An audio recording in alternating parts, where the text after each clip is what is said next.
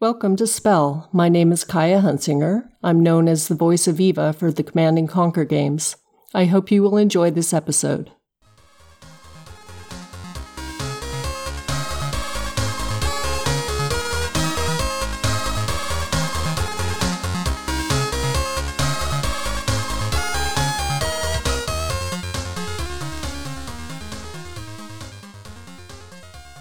Hallais, og hjertelig velkommen til spill. Mitt navn er Adrian Haugen, og skal være programleder for denne episoden.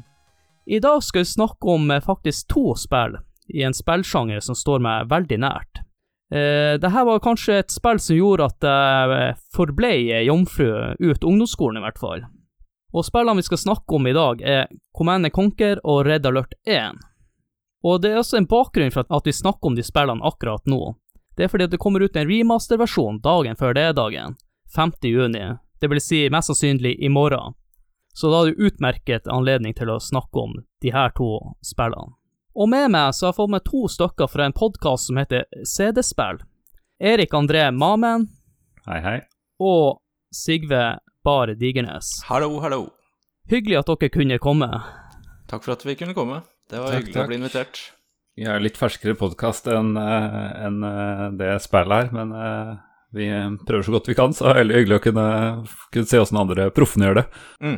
Det er også greit å få med to folk som prater østlending, sånn at de skjønner faktisk hva vi sier i denne podkasten. Det er kjedelig, men er lett å forstå. Det er sant. Det er sant.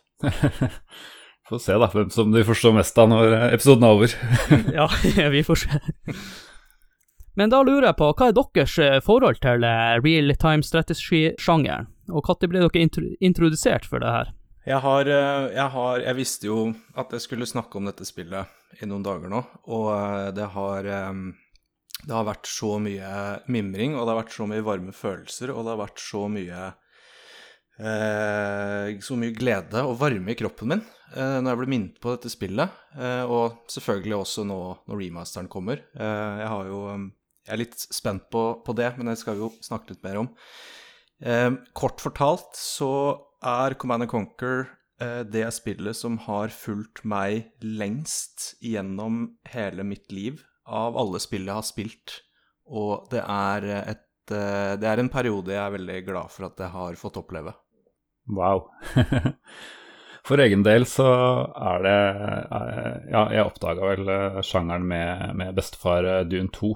Um, så jeg har liksom fulgt med hele veien. Og det er en sjanger, uh, realtime uh, strategisjangeren, har jeg liksom aldri blitt lei av sånn sett. Jeg spiller det fortsatt uh, ikke sånn uh, konkurransemodus, men uh, jeg spilte gjennom i hvert fall campaignen på Starcraft 2 uh, da det var nytt. Jeg begynner å dra litt på åra, det også. Så det er en sjanger jeg liker veldig godt. Uh, og Command Conquer er jo uh, helt klart um, jeg, Ja, jeg koste meg med Dune 2. Vi hadde en episode om det, vi prata litt om det, men det er klart at Command Conquer var jo tok det jo hele mye, mye videre, og det var uh, helt amazing. Mm. Så jeg gleder meg veldig til remaster på den også, for den uh, det skal jeg definitivt uh, sjekke ut. Og dere har jo vel planer om å komme med en episode etter dere får testa remasteren?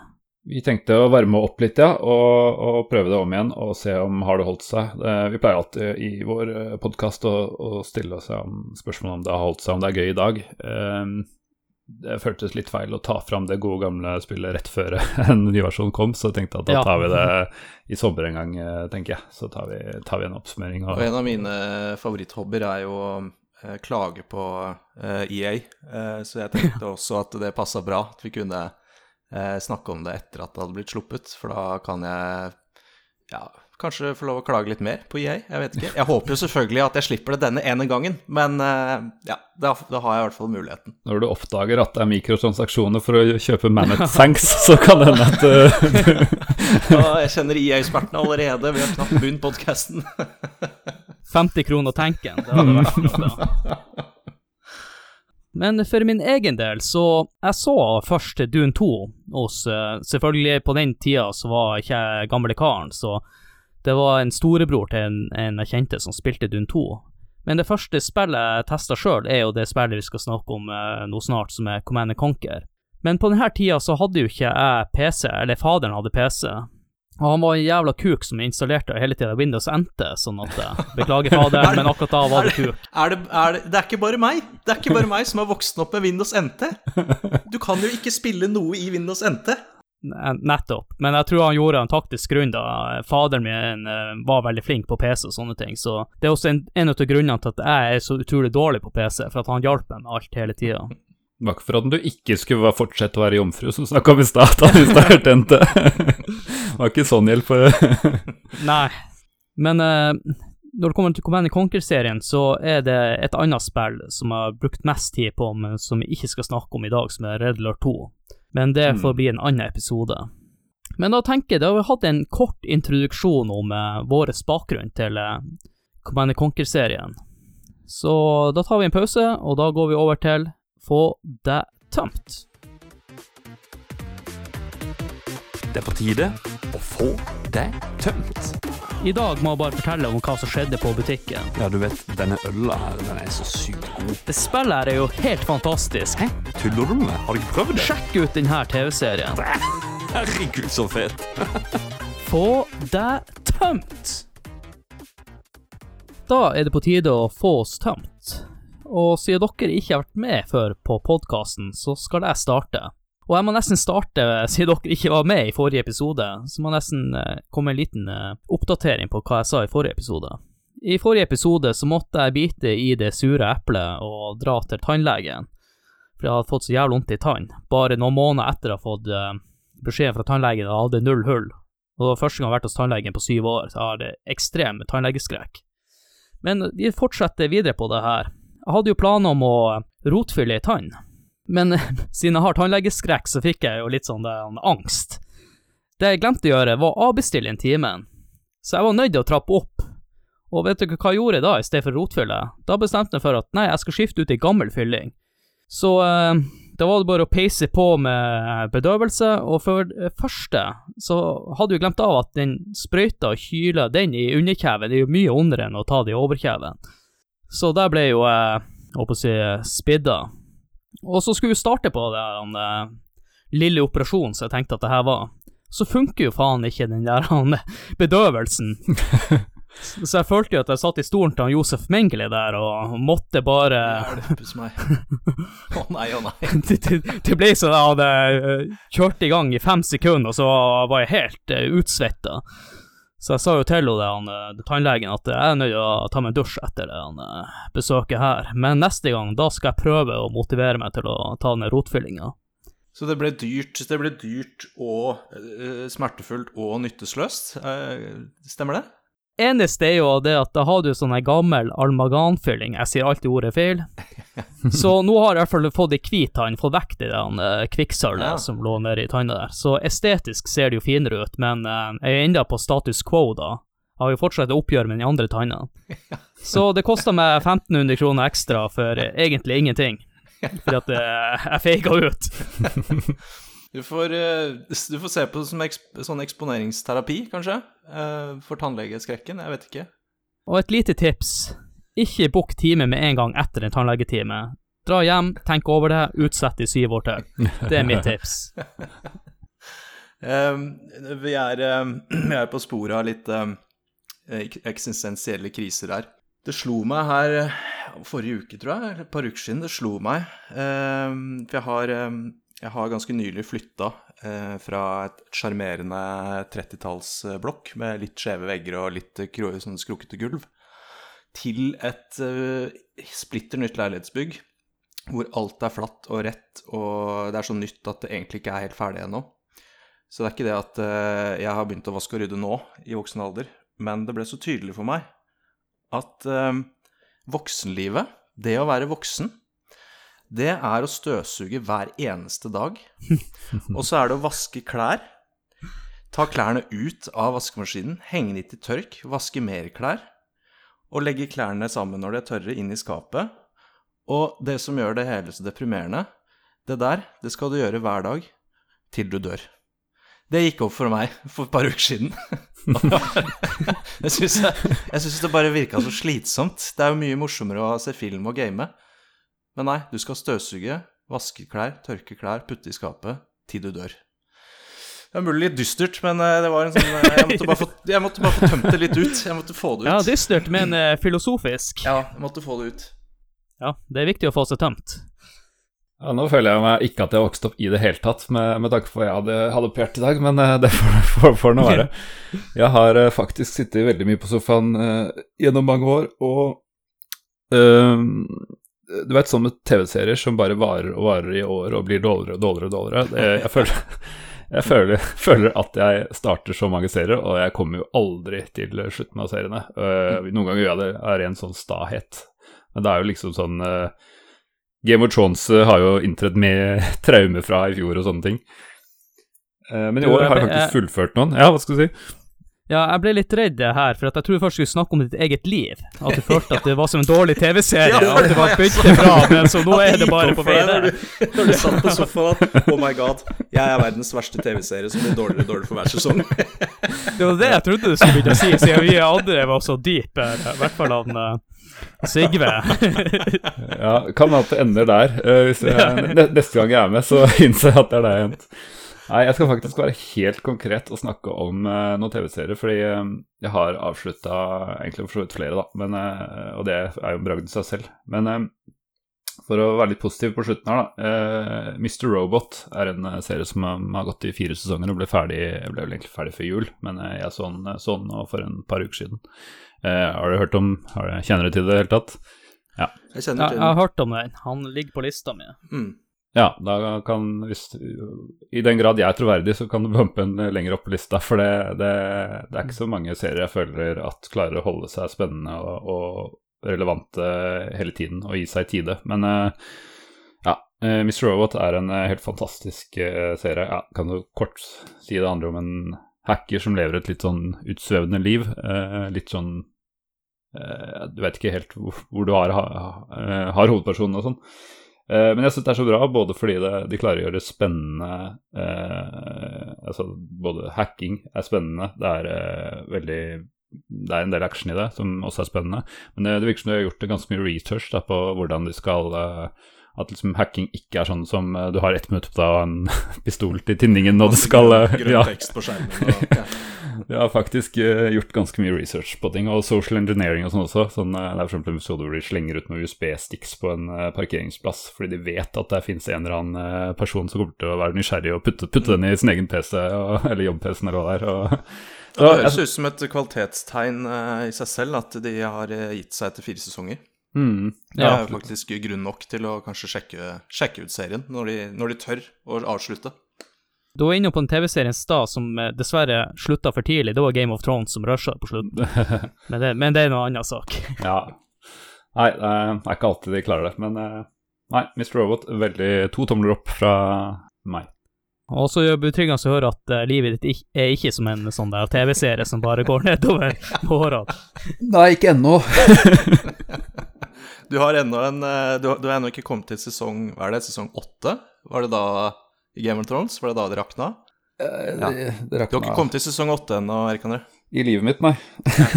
nei, det Og med det så tenker jeg at vi bare setter over til uh, hovedspalten. Welcome back, Commander.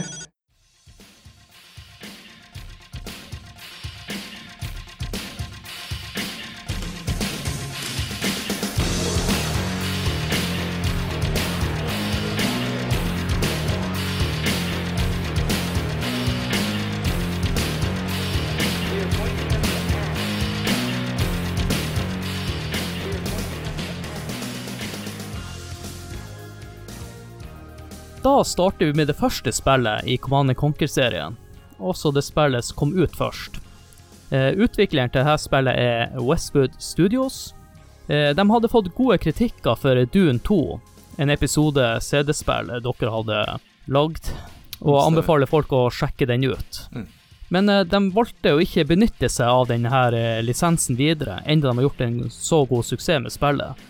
Det var fordi at eh, programmererne begynte å bli så huta lei av alle de brune omgivelsene i spillet. Så de hadde lyst til å finne på noe nytt, rett og slett. Det første de vurderte, var faktisk at spillet skulle foregå i en fantasyverden. Men så begynte de å tenke litt på det. Hva er det som appellerer til massene? Da tenkte de med moderne krigføring jeg klarer kanskje å nå ut til flere spillere. Så de tenkte jo selvfølgelig litt profitt her òg. Og jeg er egentlig ganske glad for det, for på samme tida så kom jo det første spillet i, i Warcraft-serien. Mm. Så da fikk jo vi spillere to forskjellige typer spill i realtime-strategi-sjangeren. da. Mm. Mm. Arbeidet med spillet begynte tidlig i 1993, så det var jo rett etter de hadde gitt ut eh, Dune 2, som var vel i 1992, hvis jeg ikke tar helt feil. Eh, De valgte også å kjøre noe som eh, begynte å bli veldig inn på den tida. Det var full motion videos, som de brukte eh, som cutscenes til storytellinga av spillet. Command Conquer eh, ble gitt ut eh, med to disker til MS-DOS sommeren 1995, og senere til Windows 95. Og så noen år senere så kom det jo til eh, både PlayStation og Nintendo 64, som jeg faktisk spilte her spillet først på. Oi, oi, oi. Jeg spilte ikke på PC, faktisk på konsoll. Kondolerer. ja. Nei, jeg skal eh, Indre ro, indre ro. Ikke Ja. henge seg til det. Nei, det er bra. Men uh, da lurer jeg bare på, hva var deres uh, første møte med spillet her, og hva var det som appellerte til dere å teste ut der? Um, altså, jeg uh, husker Jeg husker veldig, veldig godt Det er sånn Oddvar Brå brakk staven-moment for meg. Um, jeg husker at jeg åpenbart gikk på barneskolen, ehm, og jeg husker det ble snakket om et spill i skolegården hvor eh, man kunne spille krig, da. Um, for da hadde jo jeg eh, og noen kompiser Vi hadde jo i lang, lang tid Vi syntes jo krig var tøft og kult, selvfølgelig. Som, eh, som gutter på barneskolen syns. Og jeg husker at vi hadde sittet på eh, A4-ark og tegna Jeg var ikke så flink til å tegne, men jeg ville lage krig, så det var ikke så farlig. Så jeg tegna sånne bitte små strekfigurer. Så på ene siden så var det strekfigurer med trekanthatt. Og på andre siden så var det strekfigurer med en sånn halvmåneformet hatt. Eh, og så var det å legge på Tegne inn eksplosjoner, tegne inn tankser, tegne inn skyting. Lemmer som ble sprengt av. Eh, ja, krigsscener, da. Og jeg kunne sitte altså i timevis og tegne disse massive slagene, da. Eh, det er klart, det, det krevde jo ikke så mye tegne. eh, Nei, men- tid, tid og kompetanse, så jeg, da kunne jeg bygge store scener og store og kose meg med det. Og så kommer det Tror du ikke det kommer en fyr midt på dagen på skolen i friminuttet og sier at Nei, det har kommet et dataspill som er det? Jeg bare Nei, nei, nei. nei, nei. og hvordan jeg fikk tak i det, det er jeg usikker på. Eh, ikke pirat, ikke pirat. Eh, men det dukka i hvert fall opp hjemme hos meg. Command and Conquer. Jeg fikk det opp på PC-en hjemme. Og det Altså, livet mitt har ikke vært det samme etter at jeg gikk i land i det første GDI-missionet. Og eh, kjørte Humvees innover det gress, gresskledde landskapet. Og eh, mm, jeg, jeg, jeg stopper meg selv. Eh, det, er no, det er den sterkeste spillopplevelsen og mest langvarige spillopplevelsen jeg har hatt i mitt liv. Eh, det er det. Takk. Takk for meg.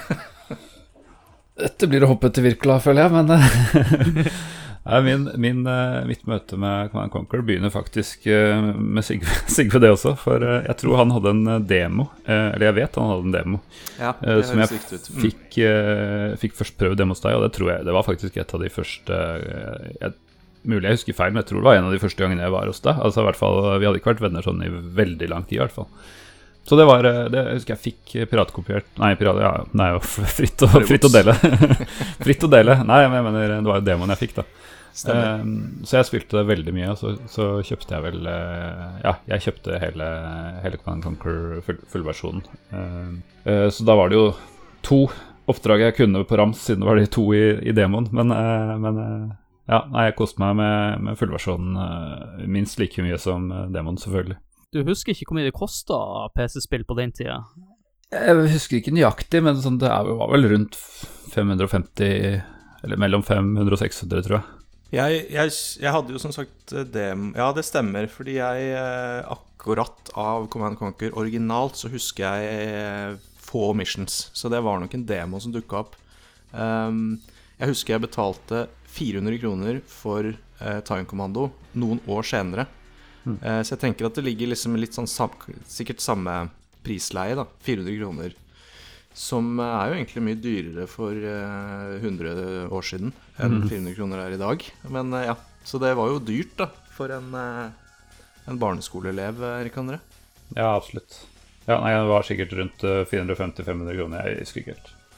Nei, jeg bare husker sjøl på den tida Jeg har en kompis som kjøpte Zelda Ocarina of Time i 97, og da kosta det 700 kroner What?! for Nintendo 64-spill. 700 kroner? Ja. Og Super Nintendo husker jeg, når jeg begynte å kjøpe min første spill, det kosta 900 kroner på Brio. Mm. Skal ikke klage på spillpriser nå i dag, og jeg regner med remasteren er mye rimeligere enn det det kosta da. ja. Ennå det er ikke akkurat mindre arbeid bak, tar jeg inntrykk av, for jeg har, har brukt litt tid på det. Si- Sikkert mer arbeid. Mm. Noen dere har lyst til å forklare hva går Command Conquer ut på, sånn kort fortalt? Jeg kan ta, ta på meg det, jeg. Eh, det foregår i eh, jeg tror det er 97, i hvert fall på slutten av 90-tallet. Et par år i fremtiden i forhold til, eh, til samtiden. Da. Hvor noen år tidligere så har det krasja en eh, sånn mystisk eh, meteoritt eh, ned på jorda som har spredd eh, Tiberium. Eh, den er oppkalt etter eh, elva i Italia, Tiber. Eh, er. Jeg har lært meg Jeg kan én elv i Italia, og det er pga. Command Conquer. Det hender, jeg lærer litt av gamet. Eh, Jeg vet ikke noe mer om den enn at den har oppkalt eh, Tiberium-stoffet. Eh, I hvert fall, uh, dette stoffet er, eh, sånn der, det er litt sånn som uh, spicy dune. Det kan gjøre alt mulig rart. Da. Det er både giftig og det er verdt veldig mye, og det består av masse viktige mineraler og sånn. Men det sprer seg i hvert fall raskt over hele kloden, og det blir Det er farlig å bo i nærheten, altså for, forgifter jo, og, og det er jo ikke noe Til tross for at det har vært mye penger, da, så, så er det uønska på mange måter. Det blir vel ikke berørt så mye hvor, hvorfor det har kommet, sånn, det har oppfølgerne tatt seg av, men eh, litt mystisk er det i hvert fall at det plutselig dukka opp. Um, og da det, er det vel to fraksjoner i uh, Command Conquer-universet. Eh, det er eh, Brotherhood of Nod, som er de bad guysa. Um, ledet av den mystiske eh, Kane, eh, som er litt sånn gudeskikkelse man ikke vet sånn fryktelig mye om, har jeg inntrykk av. Og de gode eh, FN-counterpart, eh, GDI, eller Global Defense Initiative. Det er vel det jeg husker av, settingen på det. Så det spillet består av to fraksjoner. Den ene blir ansett som ond, og den andre er god, rett og slett. Jeg er ganske sort-hvitt. Eh, en liten eh, fun fact da til eh, eh, Du nevner Tiberium. Mm. Grunnen eh, de eh, kom på akkurat det her, det var at de ville ha noe som erstatta Spices i Dune 2.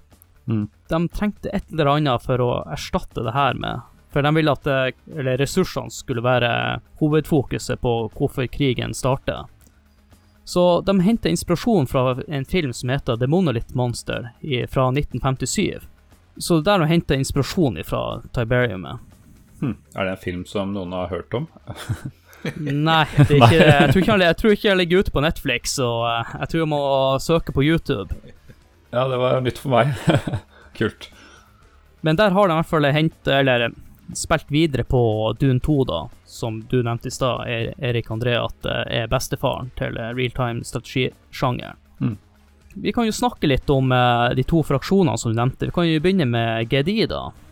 Det var jo min, eh, min eh, foretrukne. Jeg vet ikke, er jeg, er jeg litt basic bitch, eller eh, Men det var for meg var det bare en selvfølge at eh, Nei, altså, dette er USA, det er FN, det er Ja. Nato, det er liksom eh, Bekjempe ondskap. Ja, altså selvfølgelig. Eh, selvfølgelig vil jeg eh, stogge det onde og fremme det gode. Så allerede da, tydeligvis på barneskolen. Um, så um, det er jo morsomt å se tilbake på, fordi det var jo ikke et eh, veloverveid, reflektert valg. Det var bare helt naturlig. Jeg er ikke interessert i å, å spille Nod. Eh, Selvfølgelig skal jeg spille GDI. Så det har vært min eh, foretrukne fraksjon eh, ja, gjennom hele franchisen, egentlig. Ok. Ja, for å bare snakke litt om Nod, da. Eller jeg først kan jeg nevne litt med GDI. Det det er en allianse, da, som heter Global Defense Initiative. Mm. Som er en form for FN starta den for å kjempe imot Nod. Nod er som kjent som Brotherhood of Nod, som eh, Erik André nevnte i stad, er leder av Kane. Mm. Organisasjonen her, ifølge Lauren, ble starta i 1800 før Kristus. Eller før år null, da. Såpass, ja. Wow. Det er, Ok. Og uh, den uh, Brotherhood of Nod, de holdt på å si, er vel kanskje litt som uh, Frimurerlosjen. Nå tror jeg ikke Frimurerlosjen har han Kane som leder der, men ja. De har bygd opp en sånn uh, narrativ ja, på, på Nod. Skjønner. Kanskje litt slemmere også, siden det er en eh, slags politisk, religiøs kvasiterroristgruppe, da. Mm. Men de begynte å bevege på seg når eh, eller han, eh, meteoritten styrta i Italia, da, og Tiberium begynte å vokse fram. Det var også den første fraksjonen som klarte å utvinne Tiberium. Mm. Og det var egentlig sånn derfor de måtte starte GDI, da, for å bekjempe de her. For de hadde en fordel. Altså, det var faktisk Nod som var først ute og utnytte Tiberium, ja. Ok, kult. Ja, det er fun fact for meg. Jeg var ikke klar over at de var, de var, de var i forkant, faktisk. Men eh, offentlig så har de stått frem eh, for at de har lyst til å lage en union og forene de tredje verdens nasjoner, da. Ikke Så, så, ja, så de prøver å være gode, men de har egentlig onde intensjoner. En god gammeldags skjult agenda. Mm. Ja, for er det ikke sånn at de får med seg eh, mye Afrika sånn, eh, blir, blir nådd fordi de, de prøver å være litt helgen der og si at her er bare vestlig verden eh, eh, hoppa, hoppa bukk over dere og utnytta dere, så her har vi, skal vi være litt snille og gi dere litt Tiberium-teknologi tilbake. Og i, i tillegg så, på denne tidspunktet i spillet, så kontrollerer de over 50 av eh, Tiberium-ressursene i hele verden. Mm. Der eh, de FN bare har 25% og så er det en tredjedel som har de andre 25 da. Så de har overtaket ressursmessig. Men uh, vi var litt borte, i, eller innom det i stad, da. Det som fanga dere. Men uh, hva dere syns om designet til Command Conquer 1? Da tenker jeg på bygningen, enheter, verden osv. Jeg syns jo det var tøft eh, både med eh, tøffe animasjoner, for hvis du bygde en bygning, så reiste den seg opp fra bakken på en eh, veldig kul måte. Disse mm, Construction Yarden kom ut fra en sånn MCV, som var en veldig kul animasjon. Jeg husker Sigve tror jeg faktisk lagde en prøvde i hvert fall å lage en MCV i Lego, stemmer ikke det, Sigve? Jo, jeg, jeg, jeg, jeg er jo helt med deg på, på akkurat det derre Det var så futuristisk, og det var så visuelt intenst. Så jeg prøvde jo det, å få noen sånne eh, Sånne vippedeler og gjenge... Håper dørgjengedeler til Lego, og faktisk lage en MCV. For det var jo Den var jo trolig nok nesten noe av det kuleste. Selv om jeg ikke kunne skyte. Jeg, jeg tror du faktisk du må ha vært den største fan av Command Conquer på den tida, da. Hvis du begynte med et sånt Lego-prosjekt. Altså, det var Det var, eh, det var bønner jeg ikke hadde bedt, som ble besvart da Command Conquer kom, kom til, min kjeller eh, på 90-tallet. Så ja, det, det, det kan nok stemme, det, altså. For min del så syns jeg jo det var litt kult de animasjonene. De soldatene var jo bare noen få piksler. Men det, det føltes så kult å ha en stor oversikt over hele området. Du så mye som skjedde. Du, sa, du så eh, bygninger reise seg. Du så masse tankser og uh, Humvees i aksjon i, i et terreng. Ikke sant? Du så For jeg eh, Kanskje, jeg vet ikke, kanskje litt derfor jeg ble så fort fan av GDI. For du så jo ting som eh, du hadde sett på actionfilm. Du så jo amerikansklignende tankser. Eh, amerikansklignende infanteri. Eh, det var jo, var jo det du hadde lekt i skogen, egentlig, og, og tegna på, på arket i, i mange år. Så det De eh, Grafikken Nå eh, ble jo jeg eh, opplært i, eh, i Dune etter at jeg spilte Command Conquer av, av Erik André. Um, så for meg var jo alt helt sinnssykt, um, uten at jeg visste hvor det kom fra. Men bare sånne ting som eh, Var det I, IVA? IVA, var det det? Ja, Electronic? Video Agent. Ikke sant?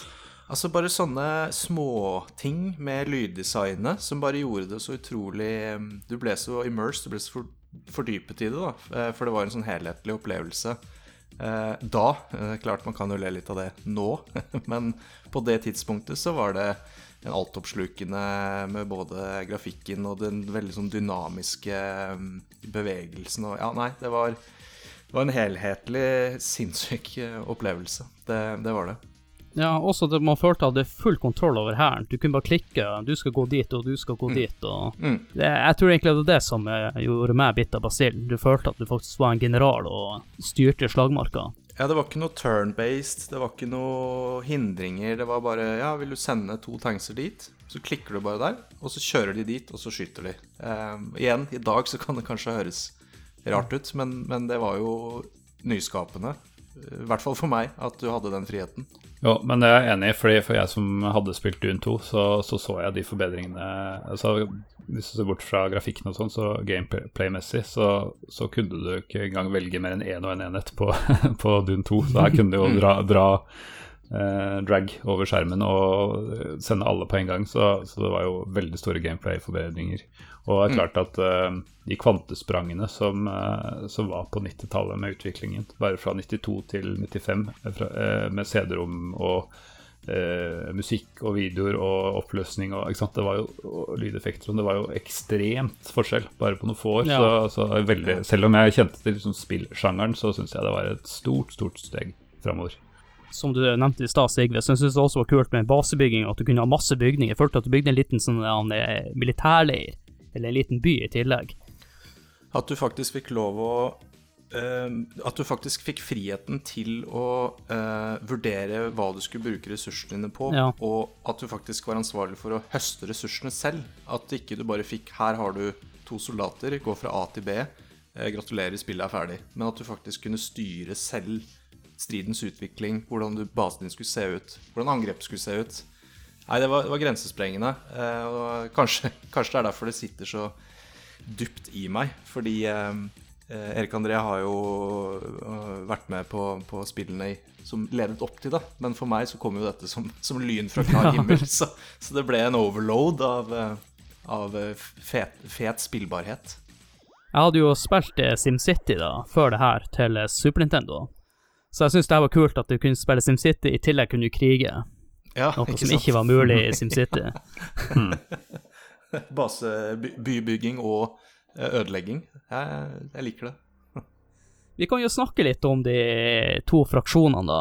Hva var deres favoritter ut av de her? Ja, Sigve var jo innom uh, GDI, men uh, Erik André, jeg husker ikke om du hadde nevnt det i stad. Nei, jeg, jeg vet ikke om Jeg er litt nysgjerrig på deg, Erik André. Hvorfor, hva er greia med Nod? Hvorfor For jeg husker at du var fan av Nod. Ja, okay, Ja, Og jeg har ikke spurt deg hvorfor. Jeg vil veldig gjerne vite hvorfor liksom det var så kult. ja, bare først ja, at jeg var sånn som likte å spille hele spillet og fullføre spillet og alt mulig rart, så jeg spilte jo begge, gjennom begge ka- kampanjene. Eh, men det er klart, uh, Nodd hadde jo en del kule ting, da, var litt eh, mystisk sånn sett. Eh, jeg syns den laseren, som heter vel noe sånn Obelisk of Light, eh, var utrolig kul og irriterende når den var GDI, men uh, kunne bare zappe eh, soldater og um, tankster fra avstand. Jeg Den, hata eh, Obelisk of Light. Det var vel derfor jeg begynte å like Nod, fordi jeg også hata Obelisk of Light som GDI. Ja, den var jo altfor overpowered. Ja, den var imba. Ja, så det var bare å slenge opp masse sånn i baseforsvar. Og så husker jeg at jeg syns uh, på fotsoldatene var det, var det ganske like, da. Men eh, jeg tror GDI hadde uh, sånn granatkastere, mens Nod hadde flammekasterfolk. Ja, Eh, ellers, ellers så tror jeg de hadde det samme. Og jeg syns jo de flammekasterne var litt kulere. I hvert fall litt mer anti-infanteri, så jeg vet ikke, jeg. Kanskje jeg er litt sadist, bare. Men eh, Ja. Nei, Nod var i hvert fall eh, Jeg vet ikke om det var favoritten, jeg, men eh, jeg likte begge to. Men jeg kan si for min del så var Nod mine favoritter. Mm. Og egentlig mest for en kompis som jeg hadde lyst til at vi skulle begynne å spille med Nod. Og de hadde de litt eh, grå uniformene. Jeg syns uniformene var litt kulere. Det var litt stilig med Kane. Mm. Og uh... Men jeg fant ut etter hvert når jeg, jeg kan jo komme tilbake til det senere, da. Men eh, hva var deres eh, favorittenhet ut til eh, de her to fraksjonene, da? Nei, altså Apropos, um, apropos um, Obelisk of Light, uh, som var en goddamn pain in the ass um, når jeg skulle prøve å gjøre mine elegante strategiske Nato-manøvre. Uh, det er jo Orca- Orca-helikoptre. Ja. uh, så du må jo Orca-rushe Ah. de der dumme obeliskene. Uh, og jeg mener, uavhengig av egentlig spill, virkelighet Altså, finnes det noe kulere enn angrepshelikopter?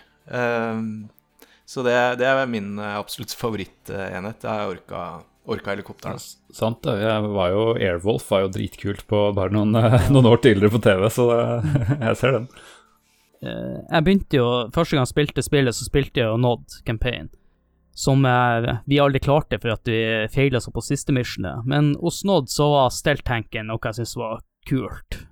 GDI hadde jo Mammut-tanken som var ti ganger bedre enn alt det andre, som egentlig Jeg syns balanseringa i de to fraksjonene ikke er helt bra, der GDI er overlegen.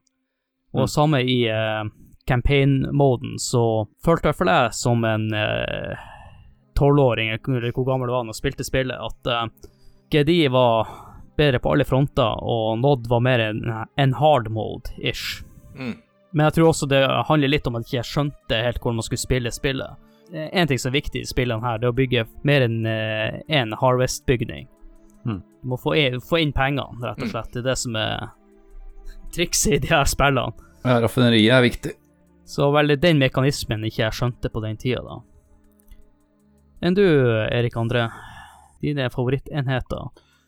Ja, eh, nei, altså jeg må stille meg li- litt bak det Orca-helikopteret, for det, det var ganske Ja. kult. Eh, og så syns jeg de eh, eh, Ja, det var jo kanskje litt på sidelinjen, men eh, ingeniørene kunne ta over bygningene til motstanderen, som selvfølgelig var litt vanskelig å få til på, på en ordentlig måte, men det, jeg syns alltid var litt kult hvis jeg holdt på å vinne og, og verge de, og plutselig kunne produsere Dodd-soldater og Nodd-elementer hvis, eh, hvis mulig. Så ja, det var litt, litt mer sånn eh, kult, men eh, En liten fun fact når det kommer til ingeniører. Jeg er jo ingeniør, og Ja. jeg tror ikke jeg kunne sprunget inn i ei bygning og bare fått det selv.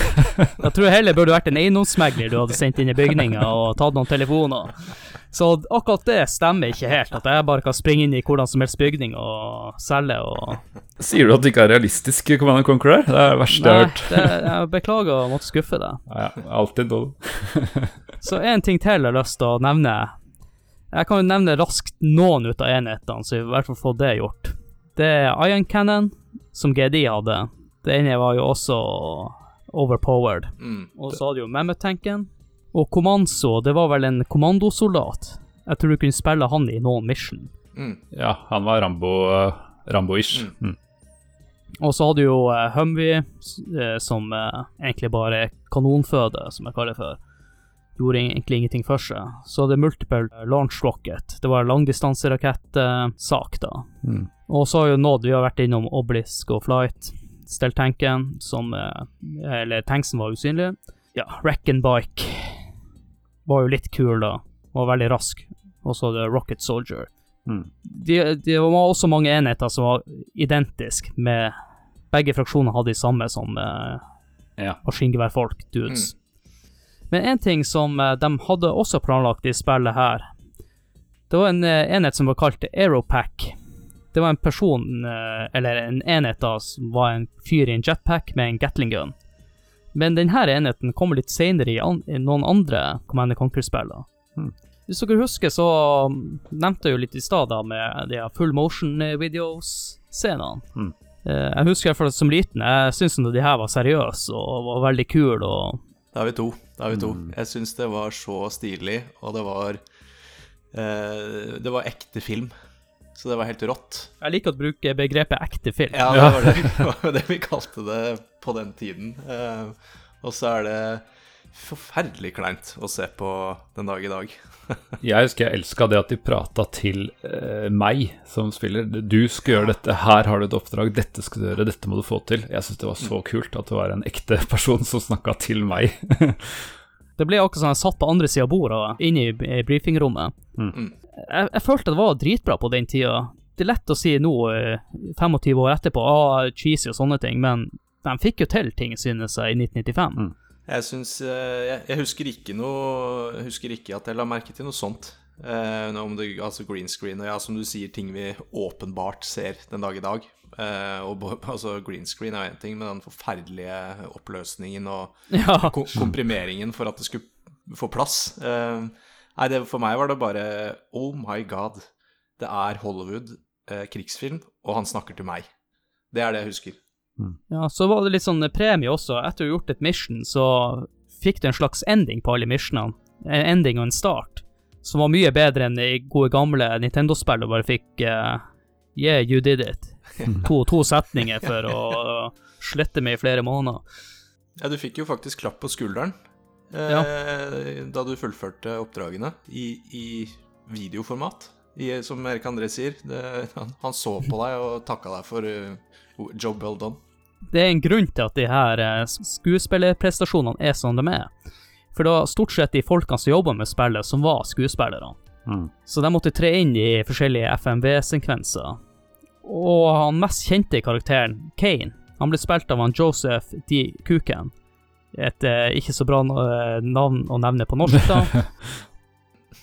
og han var director for eh, FMV-sekvensene i spillet, men deltok også som skuespiller, så han var director for hele greia. Ja, Det er litt interessant, da. Men eh, da skjønner jeg hvorfor han er den eneste som har gått igjen i flere, flere nettspill, hvis han eh, var director i tillegg. Hvorfor det var Kane som overlevde, ja. Ja. Videre, videre.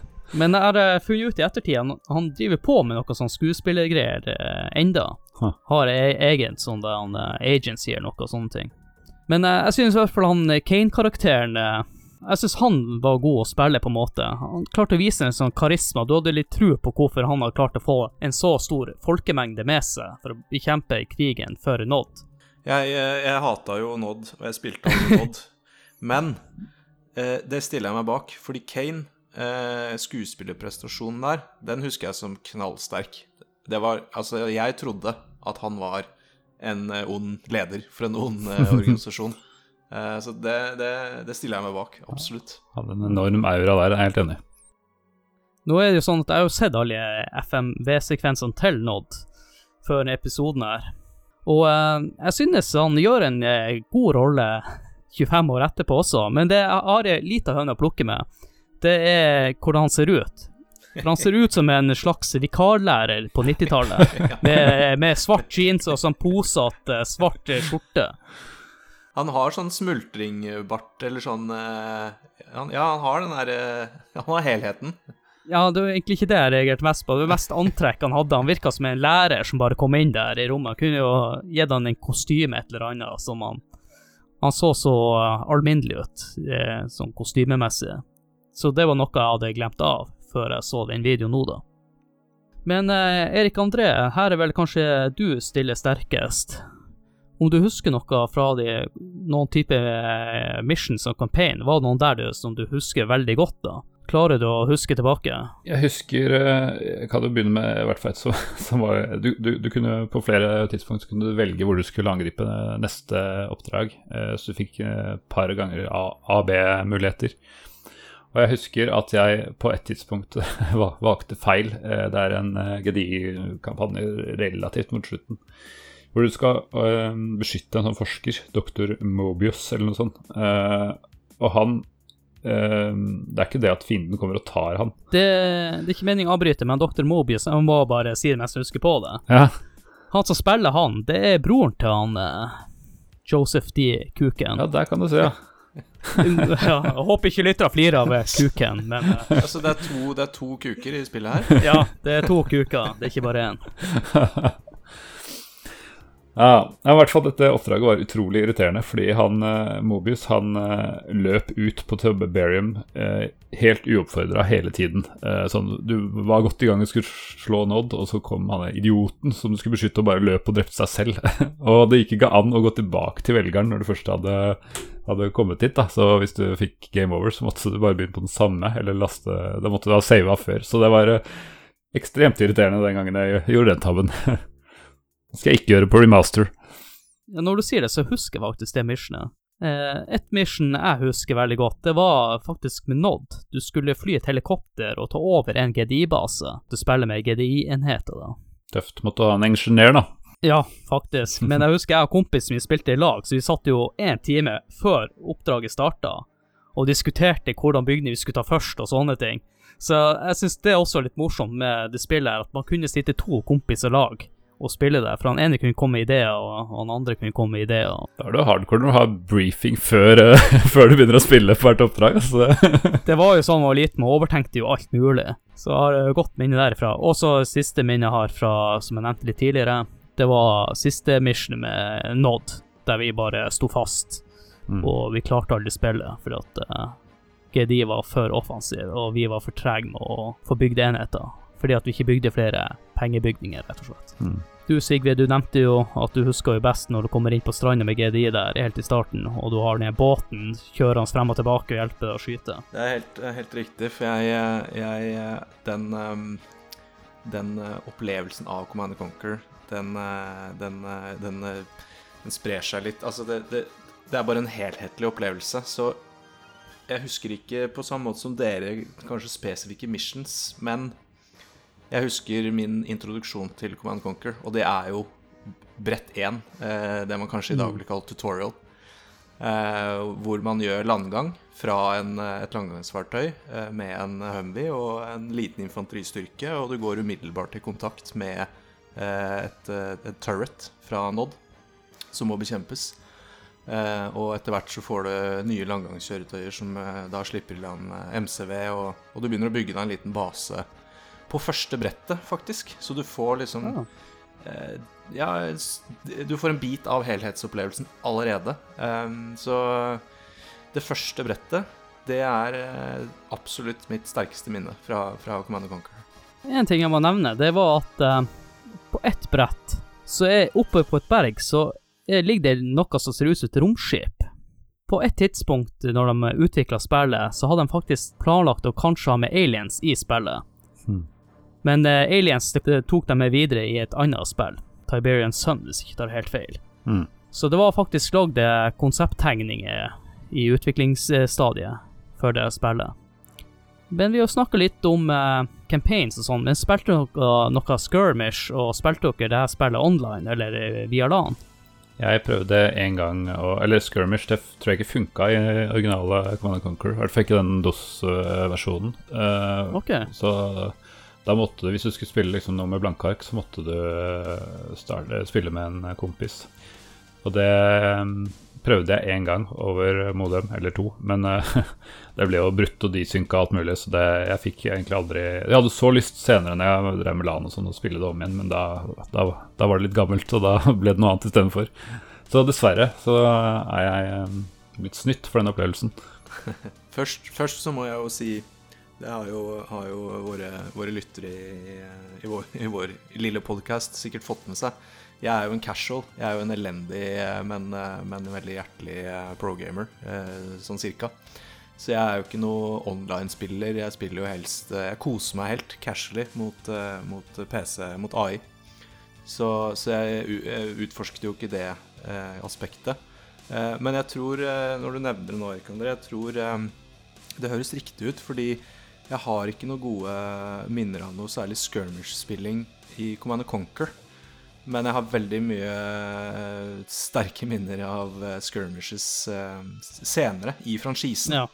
Det har jeg. Så, men, men Command Conquer, der har jeg ikke noe Der kan jeg ikke melde noe om noe særlig, verken custom skirmish eller, eller LAN-spilling. Med det så tenker jeg da at du bare spilte første missionet. Det kan jo nesten virke litt sånn. Ja. Det kjørte den landgangen om igjen og om igjen og om igjen. kun, kun det du spilte. Men det, det er en ting som vi i hvert fall nødt til å snakke om, som er utrolig viktig for spillopplevelsen, i hvert fall i sånne her spill, det er jo musikken, som er laga av han Frank Klepesjki. Kjære vene. Hva skal man si eh, for en eh, monumental eh, prestasjon? Å lage egentlig litt sånn cheesy rockemusikk Mm. til noe så eh, bra, og noe som skaper så sterk identitet. Eh, jeg drev litt research eh, selv i forkant av, eh, av podkasten i dag, og eh, kom over eh, Jeg måtte se på nytt. Eh, Frank Clepacci and The Tiberian Sons på Magfest i USA for noen år siden. Eller kanskje i fjor, i forbindelse med relaunchen, sikkert. Det er altså tøft å holde tårene tilbake når de Ja. spiller live musikken fra Command and Conquer, fra min barndom. Det er en, en sterk musikalsk prestasjon. Du sendte meg den videoen, og den eh, jeg støtter jeg. Det var eh, veldig for, for noen som kjenner musikken så godt som eh, vi gjør, så var det veldig veldig ålreit å høre på. Jeg har faktisk også hørt på den konserten der, mens jeg har gjort litt research sjøl, da. Men jeg må bare nevne én ting om han Frank Klapeski, håper jeg sa det rett. Jeg Tror det er Kle- Klepakki. I hvert fall sånn jeg pleier å si det, men jeg aner ikke. Men han eh, har også deltatt som eh, skuespiller under de FMV-sekvensene, i hvert fall. Han tror jeg er en ingeniør eller noe sånt, er det ikke det? Det jeg har funnet ut, i hvert fall. Han spiller i hvert fall eh, som en kommando. Ja, ja, ok. Ja. Også en nettrunner, det er jo med Nod på slutten. Han er en person som sitter høyre, de er tre stykker som skal inn i sånn eh, virtuell verden, eller noe sånt, hvis jeg ikke husker helt feil. Og så har han spilt i Det her er jo i det Relør som vi snart skal snakke om senere. Som spiller en eh, eh, sovjetisk riflemann som blir drept av Kane. Og så en av generalene i siste cutscene til de allierte i Red Alert. Skal vi ta en rask oppsummering før vi går over til neste spill i serien? Hva dere vil si trekker opp eh, Command Conquer? Jeg tror jeg, må, jeg tror jeg må gi den til deg, holdt jeg på å si, Erik André. For jeg eh, Det, det har kanskje vært tydelig gjennom hele, hele podkasten, men jeg, det, er, det blir så emosjonelt, hele spillet her, så jeg, greier liksom ikke å formulere noen sånn konkrete plusser og minuser, eller, okay. eller jeg, jeg husker jo som kjent bare landgangen på spillet. Ja. Nei, jeg eh, tror jeg må trekke opp uh, musikken uh, som vi akkurat uh, var innom. For det var et par sånne favoritt-tracks. jeg tror det var en som het Warfare, som bare var helt utrolig tøff. Som kanskje var min favorittmusikk. Og det satt Altså, jeg fikk så lyst til å spille det bare pga. opplevelsen, da. Og selvfølgelig Cutsins gjorde, gjorde sitt før, før jeg begynte å spille, men i spillet så var det liksom musikken som eh, som kanskje var eh, høydepunktet for mitt del. Eh, høres litt rart ut å si det høydepunktet, men eh, det var i hvert fall det som, det, var i hvert fall det som, eh, som var prikken over i-en for, for, for det spillet. Hva dere vil si trekker ned det spillet? Det er litt vanskelig å komme med noen sånne minuser sånn, som jeg kom på nå. Eh, for alt virka så nytt og, og bra, og forbedringer fra, fra Dune 2, for mitt vedkommende i hvert fall. Obelisk of Light. godt poeng, godt poeng. Hvis jeg ser litt sånn i, ser på det sånn i retroperspektiv, da, så det er en grunn til å lage en rema, eh, remaster-versjon nå. Mm. For det er jo veldig utdatert hvis du skulle spilt det i dag. Mm. Så eh, jeg håper for at remasteren rettferdiggjør eh, Command Conquer-spillene, men jeg er også litt sånn Ja, jeg er nå spent på hva jeg får til, om det her er noe som er utdatert for det, om det gjør de her endringene. Ja, det er jeg også spent på. Er det balansert, eller er det likt, eller åssen er det? Det er det jeg ofte nevner når vi snakker om eh, eh, Har det holdt seg i dag i, i CD-spill? Eh, så er vi jo litt inne på liksom, litt sånne ting, da. Og det jeg som regel pleier å prate om, da, er jo quality of life improvements. Eller eventuelt mangelen på det. Eh, og det er jo ville jo, i hvert fall for meg, tror jeg ville vært ganske ubrukelig å spille det den dag i dag. Men eh, det blir spennende å se når de nå har Quality Life Improvements i remasteren, om eh, kjernen av spillet er eh, god nok til at det kan eh, være verdt å spille i dag, da. Det, det er jeg veldig jeg er spent på. Jeg skal jo selvfølgelig spille det, og kjøpe det. eh, uansett pga. nostalgi. Eh, men det blir spennende å se om spillkjernen, da, kan du si, har, har holdt, eller holder seg. Mm. Jeg blir å kjøpe uansett. Jeg blir selvfølgelig å spille det, men jeg vil også støtte prosjektet, for at man har så Enig. gode minner til det. Enig. Og kanskje endelig er det noe Electronic Arts Siri har gitt ut i dette tiåret, som, som, eller de siste to tiårene, som vi syns kan stille oss bak. Ja, og det er vel ikke, vi kan vel ikke takke Electronic Arts for det, her. det er vel noen andre i bakgrunnen som har stått for det her prosjektet. Ja da, helt klart. En liten eh, ting jeg har lyst til å nevne, det er andre spill som brukte Tiberium som referanse i sine spill. I SimCity 4, jeg nevnte i stad, jeg tenkte at det her var relasjoner til SimCity da jeg var liten, så jeg med, så er det dukket opp et bygg der av og til, en industribygning da, som, og den har navnet Kane Tiberium. Så er det også referanse til Tiberium også i eh, The Sims 3. Hvordan, hvordan da? Det må ikke spørre så vanskelig her. beklager, beklager. det, er det er opp til lytterne å finne ut av. Ja, litt sånn uh, easter egg og litt uh, jakt for, for lytterne. Og med det så tenker jeg at vi bare går over til eh, oppfølgeren til Command Conquer.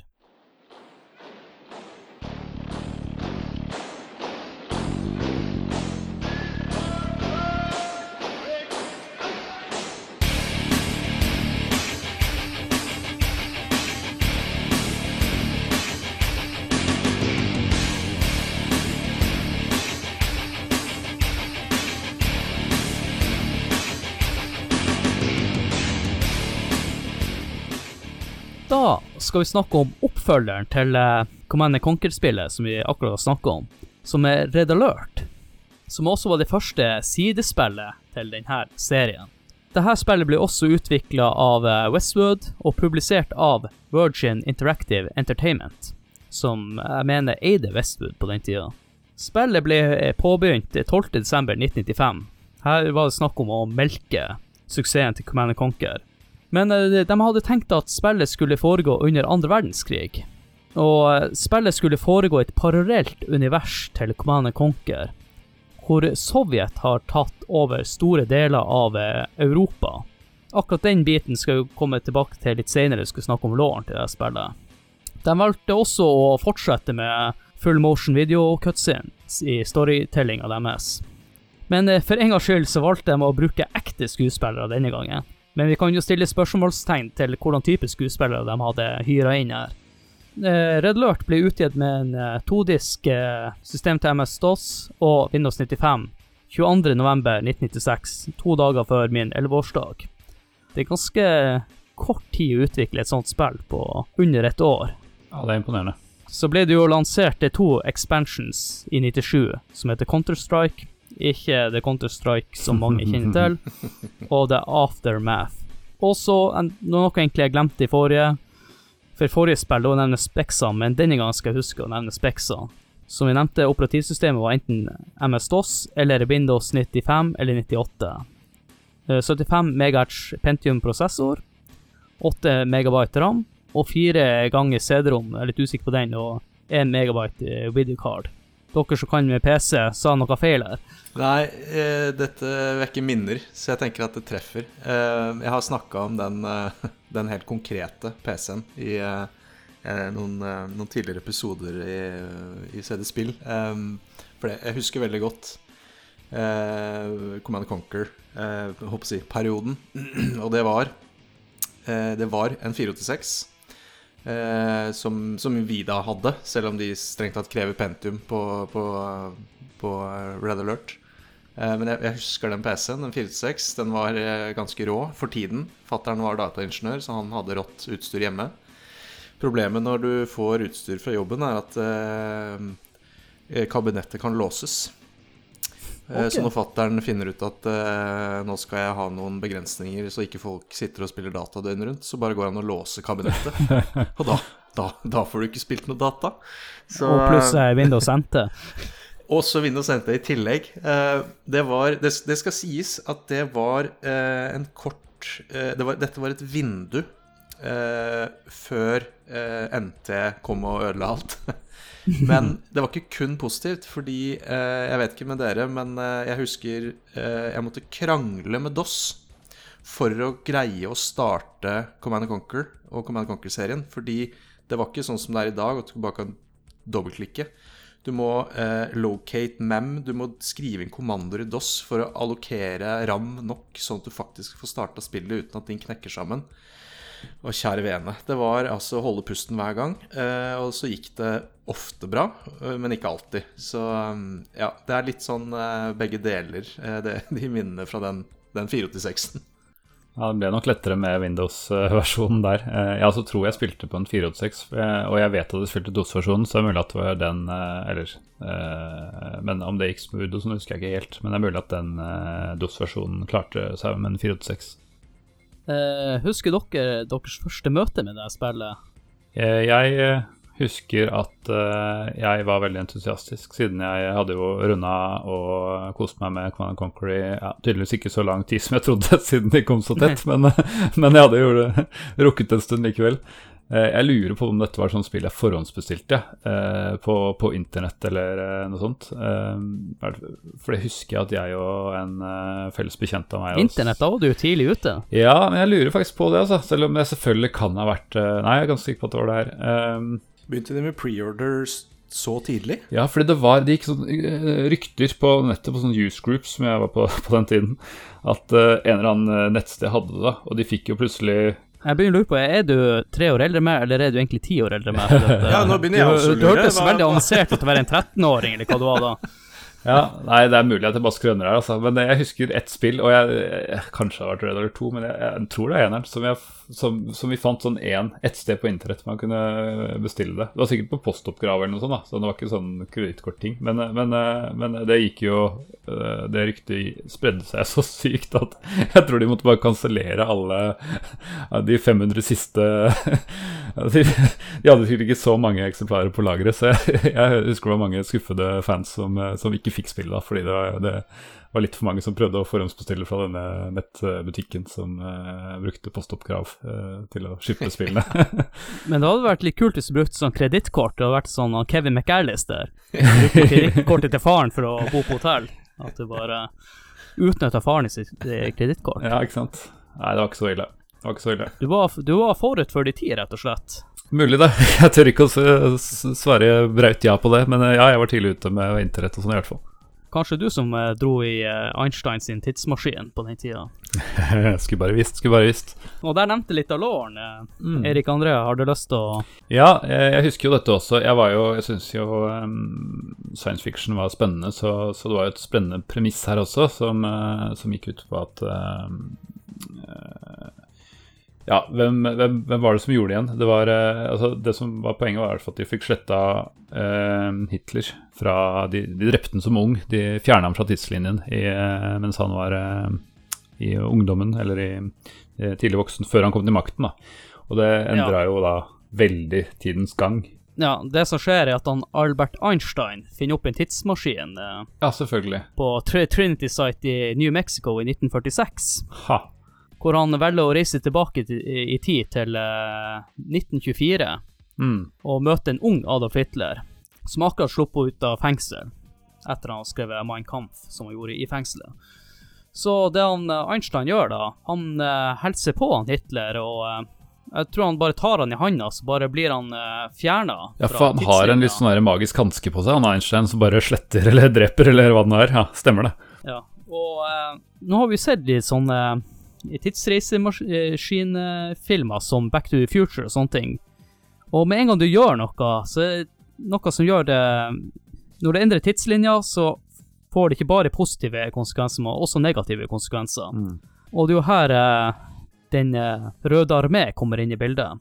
Stemmer, stemmer. Av mangelen av eh, Nazi-Tyskland, så blir Sovjet en mye større verdensmakt. Og det som skjer da, er jo egentlig det han Stalin gjorde med Finland, og prøve å ekspandere landet sitt. Bare at nå i mye større skala. Så han prøver jo også på det han Hitler egentlig prøvde på, bare at han eh, prøver å invadere Vest-Europa. Så da har man jo fått en, eh, en verdenskrig i, i allikevel, da. Var til ingen nytte. Nei. Så eh, det blir eh, sånn som verdenskrig var uten Nazi-Tyskland. da. Det var allierte bare den gangen mot Sovjet. Så det er egentlig eh, låren da til spillet, og krigen skjer i, i Europa. I en alternativ andre verdenskrig, da. Ja, vet du hvilket år det var? Var, var verdenskrig på akkurat samme tidspunkt, eller er det sånn eh, glemt eh, man ikke helt husker? Må du ikke spørre så vanskelig. Det, jeg tipper på det er rundt eh, samme tida. Og du klarer kanskje å se det på noen av enhetene også, men noen andre enheter igjen virker mye mer moderne. Mm. Hva dere eh, synes om det her spillet? De brukte ett år på å utvikle det, men eh, det ser mye mer moderne ut bare på det ene året. Jeg tenker på brettene og sånne ting. Eh, Brettene var større, bygningen hadde mer detaljer. Ja, for min eh, del så husker jeg at det var eh, Det, virka som en sånn vinterversjon av, eh, av Command and Conquer, og satt i en sånn alternativ fortid, som du sier. Så jeg syns det var liksom, virka litt sånn Førsteinntrykket var at det var egentlig bare et skin, eller sånn avansert skin da, med nye enter og sånn, men at det var litt for likt og litt for lite spennende. Å ja, så du var kritisk til spillet når du Jeg, ja, jeg var ikke, ble ikke oppslukt av det, kan jeg vel heller si. For jeg syns det var litt for, for likt som Co- Co- Co- Command Conquer. Eh, men jeg husker jo det at eh, jeg hadde, som, jeg nevnte i stad, jeg hadde ikke fått Windows eh, 95 på det tidspunktet, så jeg, jeg måtte bruke DOS-versjonen, og den var eh, dårligere oppløsning og vanskeligere, okay. rett og slett. da. Så, jeg, så da tror jeg jeg måtte scrolle til og med på minimappet for å, for, å, for å se hele skjermen. Så jeg følte at det ble liksom litt, eh, litt for Det var ikke noe stor forbedring for mitt vedkommende. det var litt eh, uheldig der, rett og slett med at eh, du ikke hadde rett operativsystem, så du fikk en, et feil førsteinntrykk av det. Det kan du si. Akkurat da var jeg ikke så forut på min tid, i hvert fall. Nei. Det her var det første spillet eh, for min del eh, jeg spilte på PC i denne serien. da. Ja. Jeg husker Det var en kompis som jeg fikk der. Så han ringte til meg på vanlig hustelefon, hvis noen husker, fortsatt husker den, og ba meg komme opp, for her hadde han et eh, krigsspill vi bare måtte teste ut. og Jeg syns det var så creepy, den han, eh, FMV-videoen med han eh, Einstein-rist bak i tida. Jeg syns det var så alvorlig, og jeg følte at det var 18 års aldersgrense på den tida. Men eh, du, Sigve, spilte du det her spillet? Det bare, det bare slo meg eh, når, eh, når Erik Andrena var så um, utrolig negativ til det spillet her. Eh, og eh, tilfeldigheten vil ha det til at man er eh, fryktelig ung, man har ikke penger, man har ikke Så det er litt tilfeldig hvilke spill man ender opp med. Så jeg har liksom Jeg har spilt Red Alert, men eh, jeg tror jeg har spilt det hos kompiser og liksom ikke hatt og fordypt meg i det. Poenget mitt er at eh, Erik André og jeg eh, i tospann eh, på en måte rakker ned på det som er ansett for å være liksom en av spillhistoriens beste spill, med fans over Ja. hele jord, jordkloden. og vi Ah, sitter jo Erik André er negativ, og jeg har nesten ikke spilt det engang. det her, her blir det trøbbel. Her blir det Twitterstorm. Ja, jeg vet om noen som sitter og spiller det her din dag i dag, før remasteren kommer, og la han enda. Ikke sant? Jeg vet også at det var veldig veldig populært. Jeg husker det, og, og jeg husker også mange år senere så spilte fortsatt eh, folk eh, Red Alert eh, eneren. um, som jeg syntes jo var litt pussig, men jeg har skjønt at det, ja, jeg fikk, kom kanskje på en dårlig fot med det fra starten av, men det gjelder ikke alle andre.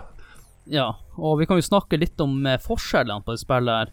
For det første, så i Command and Conquer så var det kun landangrep, mens her hadde de innført eh, også hva si, havenheter, eller krig på sjø, mm. i tillegg.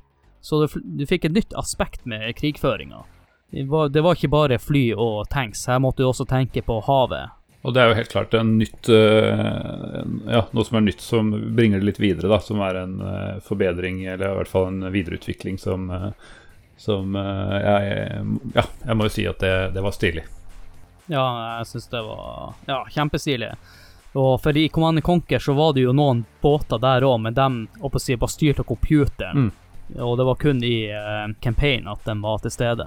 Stemmer. Jeg mener også det fantes en map editor, så du kunne lage egne sånne maps som bare, så du bare kunne holde på med uh, krig på, til sjø, da. Mm. De hadde jo vel innført også noen flere bygninger i spillet her. Som for eksempel, jeg husker de allierte, de hadde falske bygninger, hvis dere husker dem. Ha, stemmer det. Ja, det hadde jeg glemt. Men eh, ja, stemmer det at du kunne liksom late som her er basen din, eh, så fienden begynte å komme med falske angrep. Ekte angrep på falske bygninger. Og jeg er litt usikker på det. Jeg mener det var ikke i Red Alert 2 heller, så det, jeg tror det kun er i det her spillet. Så får noen sende meg melding hvis de eh, mener at jeg tar feil.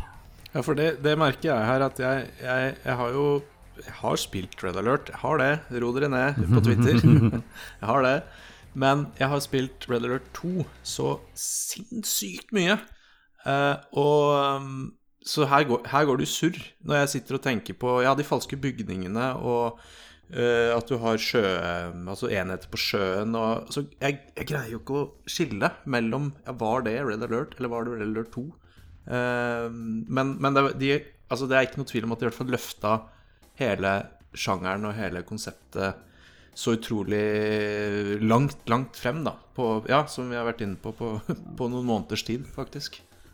Ja, eh, for min del så er jo Det er jo Red Alert 2 der jeg er skikkelig nerde og spilte Mm. online og, og konkurrerte og Det er en grunn til at jeg har lagt Red Alert 2 utafor denne episoden, for det skal Mm. få en egen episode. Det er det Ja, fint å det- lage podkast sjøl, da kan jeg bestemme sjøl hvordan jeg vil ha det. Men uh, de hadde jo, i tillegg til mange nye typer bygninger, så hadde de noen sånne power-ups, ikke power-ups, men uh, sånne power-bygninger som Chronosphere og Nuclear Zelo, som uh, også er et nytt aspekt når du spilte spillet, i hvert fall når du spilte på skirmish, da. At du må også ta høyde for at uh, du må passe på at motstanderen ikke får de der tech-bygningene for uh, deg Ja, sjøl, da. Du får plutselig et eh, tidspress eh, Ja. hvor du Du, kan du ikke får et bare våpenkappløp, rett og slett. Ikke sant? Du kan ikke bare jobbe turtle og låse deg inne. Du må faktisk eh, være framme i skoa. Det ga et nytt aspekt, det også. I tillegg så hadde du noen powers, som eh, sonarpuls. Eh, litt usikker på hva det var, om du kunne finne ut, se kartet der, det var mørkt på kartet. Og så hadde du også spionfly eh, Det her var de allierte jeg tenkte på. Det var allierte som hadde sonarpuls og GPS. Og kronoskift og atomrakett som du kunne fyre av. Ja, for det var supervåpen, ikke sant. Eh, de hadde jo, så, hadde jo så vidt noe lignende i Command Conquer med sånn airstrike og iron cannon og litt sånn, men eh, det var mye, mye mindre skala, ja. Ja, her var litt mer eh, eh, Ja, som sagt, Nuclear Seal og Tech Center og det jeg nevnte nå med kronoskift og atomrakett, var selvfølgelig allierte sine. Og så Sovjet, da. De hadde jo kennel. Det var også noe nytt. Å se bikkje i sånne type spill. Jeg hater Jeg hater Det begynner kanskje å bli gammelt nytt nå at jeg hater eh, Hva skal jeg si antagonistsiden. Men de bikkjene nå, begynner, nå kommer minnene tilbake. Hater de bikkjene. Men bikkjer er jo jævlig irriterende i alle typer spill, sånn som i Wolfenstein og Resident Ah, Evil osv. Det er jo bare et i herk. dataspill. Ja. ah, Jeg må jo nevne ei bygning der vi hadde Obelisk of Light, som var Nods store bygning. Så har vi jo Tesla-coilen her. oh my god. Som elektroingeniør så er jo han Nikola Tesla som oppfant eh, Tesla-coilen. Bare det her er en Tesla-coil i mye større skala. Mm. ja for det, Og det er en herlig, ly herlig lyd når han griller de soldatene. Det var de samme, det var de samme vonde minnene fra Command and Conquer. Så tenkte jeg ja, ja, Red Alert, ok, spennende. Nytt uh, konsept, eh, ny uh, tidsalder, nye enheter. eh. Nei da. Nei, Obelisk of Light er med. Det er bare gitt den nytt, gitt den nytt navn. litt nye effekter, det var det, ja. Ja, oh my god. Men så likte jeg en sånn power-up som eh, Sovjet hadde, da, som heter Iron Curtain. Det er jo jævla kult navn også. Der uh, enhetene blir uh, udødelige i, Mm. Ah, ja. innenfor en tidsramme. da. Stemmer det. Og det er jo et helvete å slåss mot hvis de havner inn i basen din. Mm. Sinnssykt irriterende. Ja, og eh, det er jo mange taktikker med det i uh, Red Alert 2, men det får bli en annen episode. Jeg må bare passe på nå at jeg ikke snakker så mye om Red Alert 2, for jeg Jeg, vil jeg, om merker det selv at 1. jeg, at jeg, jeg, glir, jeg glir inn i ja, Ja. årevis med, med god Red Alert 2-spilling. En annen episode. En annen episode. Vi må bare passe oss, for jeg vet at det er veldig mange som er fan av Red Alert 1, så vi må jo respektere dem her. Jeg husker jo én ting som var ganske kult på sovjetsiden, eh, kom jeg på nå, og det var eh, Ja, du hadde jo kanskje ikke sånne helikopter og sånn som vi hadde i, i Command Conquer, men du hadde sånn MIG-fly, eller i hvert fall noe fly. Ja, MIG-flyet var kult, Mm. ja. De var ganske tøffe, for da kunne du gjøre litt eh, slags airstrike og, og sånne ting. Så den, den var en favoritt, husker jeg, på sovjetsiden. Ja, og så hadde jo Sovjet ubåtene, Ja, som jeg syns var kul. Men uh, det er en annen ting som de innførte som er utrolig viktig uh, i strategispill, også i senere strategispill, det er at de kom inn med køsystemet, så du kunne trykke på enheten flere ganger for å bygge den etter hverandre. Der i Command Conquer måtte du trykke én og én og én gang for å bygge den samme enheten. Stemmer det. Ja, det er jo en ekstrem forbedring. ja. Jeg skjønner ikke at eh, man klarte å spille Command Conquer med å trykke én og én gang på en vanlig maskingeværenhet, som du av og til trenger mange av. så, så, så husker jeg det, det, Nå, ja, så, som i stad, nå begynner minnene å komme her, for det husker jeg faktisk at eh, jeg visste, ikke sant? Vi visste jo ikke at det var et fenomen i Command Conquer. Altså, vi visste jo ikke hva som lå i fremtiden. Så, eh, og kanskje i tillegg så var jo ikke jeg noe competitive player, akkurat. Jeg satt jo bare og koste meg. Så om jeg måtte sitte og trykke en seks-sju ganger på, på en infanterisoldat for å få, få det ut, så tenkte jeg ikke så mye over det. Men det var jo en eh, game changer. At du faktisk kunne køe opp eh, soldater, eller enheter, da. Eh, og det skjedde jo faktisk i eh, eh, den alternative andre verdenskrig. Ja. Stemmer. De klarte å gjøre noen bra endringer bare på det ene året der. Vi var jo litt innom enhetene her, jeg tenker at jeg bare nevner noen da. De allierte hadde jo spion, og så hadde jo Tanja, som en karakter som er også blitt med videre i Re- Red Alert-universet. Ja, det var liksom på en måte videreutvikling av kommandoen fra, Man Conquer. Og så hadde jo Tyv som kunne stjele eh, cash og diverse. Så hadde jo artilleritanks og kronotanks. Men så har du jo eh, Om det var destroyeren eller eh, cruiseren, det husker jeg ikke helt, som var overpowered. Det, det er et slagskip som kan skyte dritlangt inn mot land. og det er umulig å forsvare seg mot den enheten. Mm. Så eh, ja, fikk motstanderen eh, muligheten til å bygge det der, så var man rett og slett uh, fucked. Da hjalp det vel at du hadde hadde hva du sa, ubåter på sovjetsiden da, for å ta dem. Det var vel kanskje det måten man, jo, man håndterte det. Ja, men du har jo noen båter der som kan bekjempe dem, da. Mm. Og Sovjet, det, det her det syns jeg var litt merkelig. De har også Tanja, Hmm. så den eh, skjønner jeg ikke helt om hun eh, Nå husker jeg ikke campaignen om hun skifter side, eller hva, hvordan det har seg. Og så har vi jo Tesla-tanken, som er utrolig kul. Mm. Og merk én ting nå. I eh, Command and Conquer så hadde jo de Mammoth-tanken, men i Red Alert så er det Sovjet som har Mammoth-tank. Ha. Som, eh, ja, holdt på å si en enhet som er utrolig vanskelig å forsvare seg mot. Mm. Så eh, de allierte er kanskje best på eh, Eller til sjøs, så er de allierte best på land. Nei, eh, Sovjet best på land, da. Det er jo historisk, eh, siden Ina faktisk nå har eh, tappet litt inn i, i virkelig historie, så tenker jeg de treffer bedre med at eh, Sovjet har eh, en eh, enorm eh, tanks.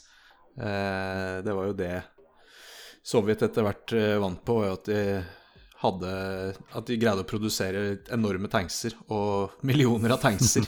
Eller det der vil jeg korrigere det, jeg som er historienerder. Det, du har rett at de klarer å produsere mye tankser, men de hadde T34, hvis jeg husker rett. Nei, Ja. hvis jeg husker feil.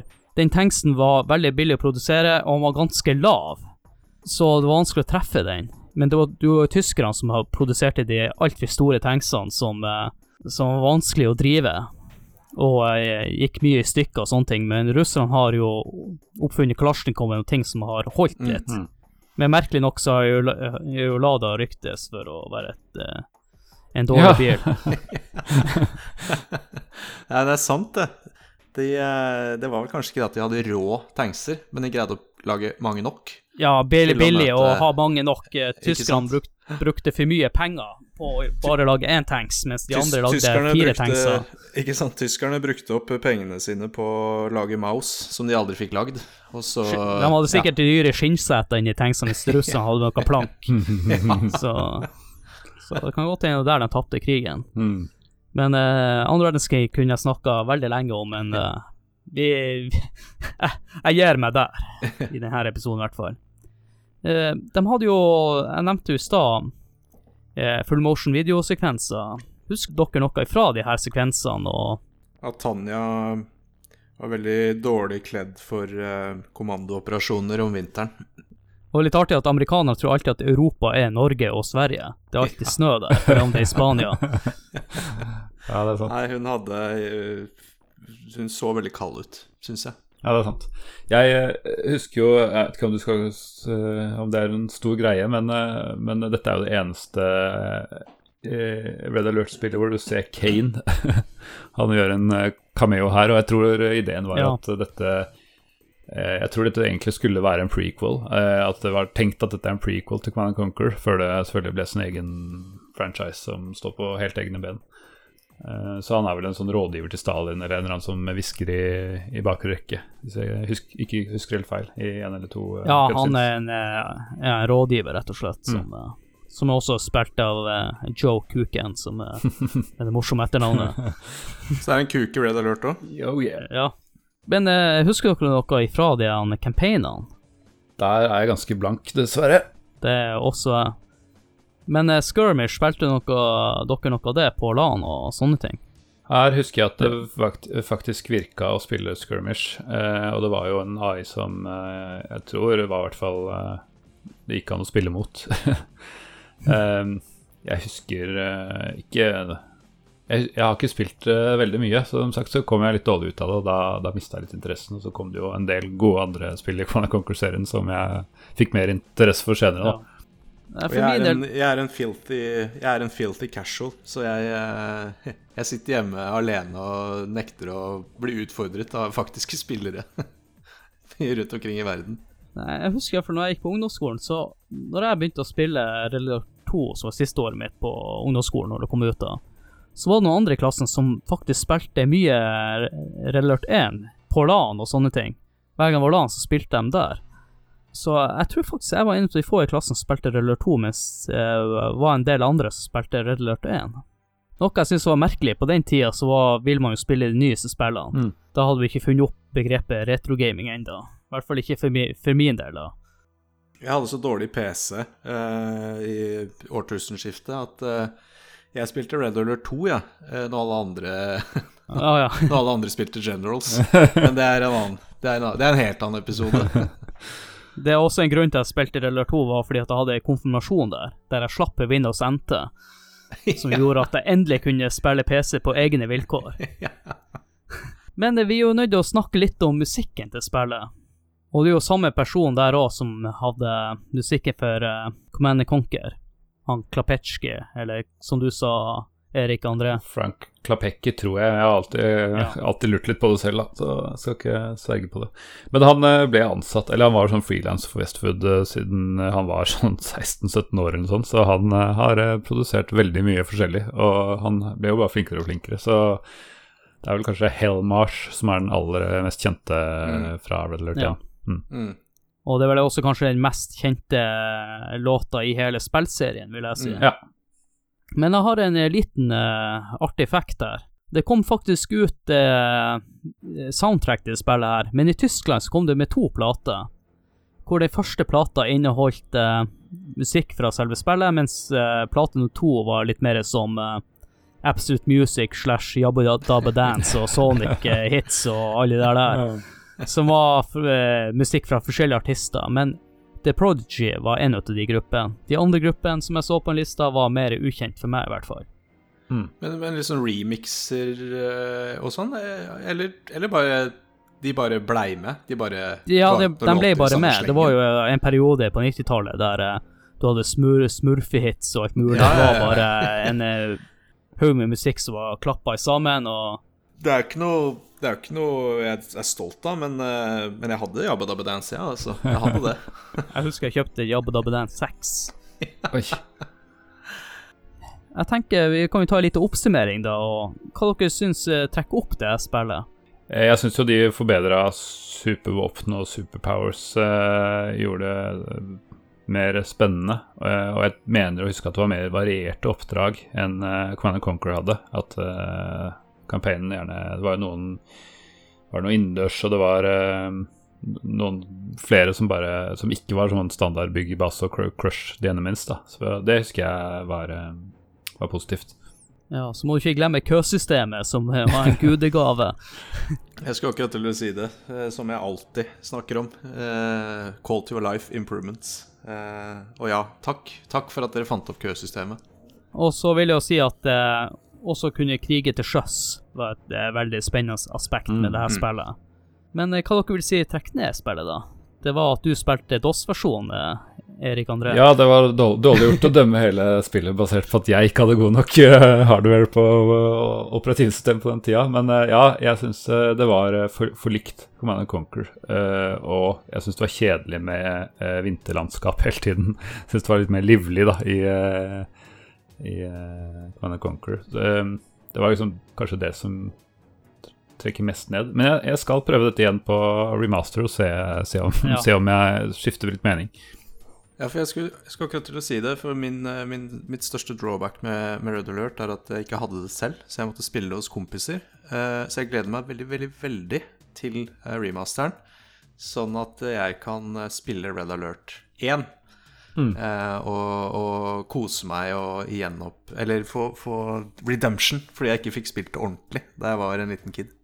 Ja, og så har du jo nå en PC som ikke har Windows NT i tillegg. Og så har du kanskje en god nok PC som kan kjøre. Finally!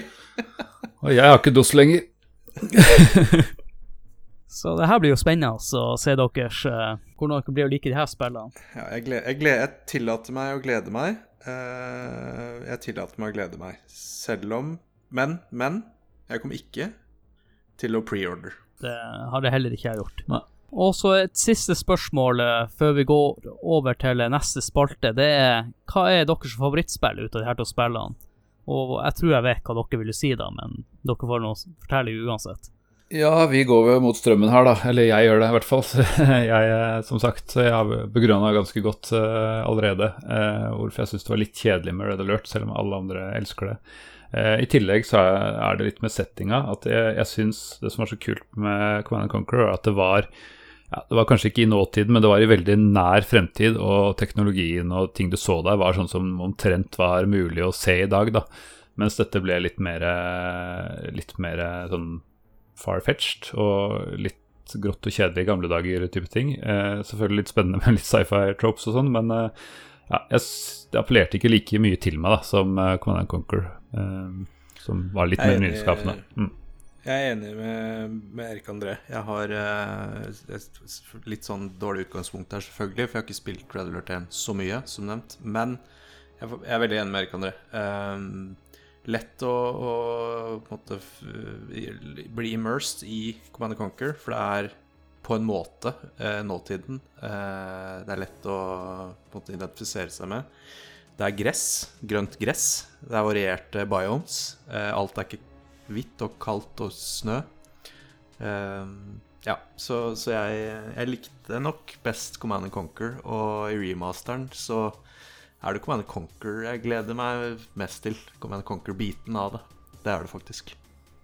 Nei, For min del så har jeg mest minner fra Red Alert 1, eh, da. Mm. Og jeg synes eh, Red Alert 1 er et mye mer moderne spill, mm. med tanke på de nye aspektene de innførte i spillet. Mm. Jeg, jeg, føler at uh, Command Conquer blir uh, du kan si faren til Red Alert. da. Red Alert mm. er en generasjon nyere. Mm. Og når jeg spiller, blir å spille remasteren igjen, så tror jeg Red Alert blir å føles mer moderne ut fortsatt. Ja, det er veldig spennende, for jeg antar at de kommer til å lage like mye quality of life improvements på begge spillene, så sånn sett så kan ja. man at de føles likere også enn det de egentlig var, men det, det blir veldig spennende å, å, se. Og ja, som grunn som jeg nevnte, så har du jo litt de supervåpenfunksjonene i Red Alert 1, og krigføring til sjøs, mm. og flere enheter Ærlig, jeg vet ikke om de har innført noen nye enheter i remasteren. Jeg tror ideen er at det skal være mest mulig likt, så nei, ja. det tror jeg ikke. Så jeg er ganske spent på remasteren, rett og slett. Jeg tror fortsatt, uh, siden dere disser så mye Alert, så kan jeg disse Command Conquer. Yes. Jeg tror det, Command Conquer blir før uh, old school. Så er det jo sånn at uh, det er ikke alle spillene man bør ønske seg en uh, remake av, og det nevnte Secret of Mana-episoden, at der klarte de å herpe spillet. Men har trua på Red Alert, eh, remasteren av Red Alert. Litt mer usikker på Command Conquer-versjonen. Wildcard. Mm. Ja. Mod, modstøtte. Ja, vi, ja. vi har mod-støtte. Og så kan vi høre på deres episode av CD-spill etter dere har testa remasteren, og mm. da får vi svaret. Det er vi veldig spente på. Eh, kan du bare skyte inn på slutten her også at eh, Command Conquer og Red Alert eh, har vært eh, spillbare i sånn open RA eh, i mange, mange år. Eh, så jeg er litt spent på hva, hvordan remasteren blir i forhold til den fandrevne open era, som egentlig er et quality of life improvement allerede fra det originalspillet. Så veldig, veldig spent. Og med det så tenker jeg at vi bare sjekker ut innspill fra lytterne våre.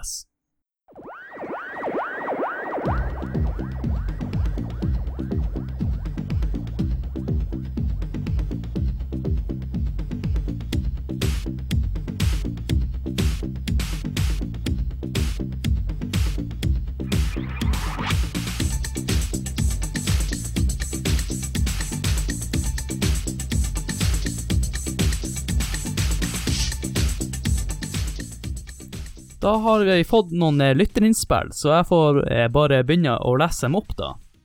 Det første er fra eh, Ralf William Nublin. Han skriver gjør nedtelling på remasterversjonen kommer ut. Det er åtte dager, seks timer og syv minutter i skrivende stund. Spilte Command Conquer Relert først. Relert var sammen med Counter-Strike Fast på agendaen til alle helgeland vi hadde da jeg gikk på VGS. Tesla Coils og Mammoth Tanks. Og det var også litt jeg nevnte i stad, at det var fortsatt mange som spilte Relert 1 på LAN, fordi om Relert 2 hadde kommet ut. Så han var jo en ut av de, da. Ja, har dere nedtelling på når remasteren kommer ut?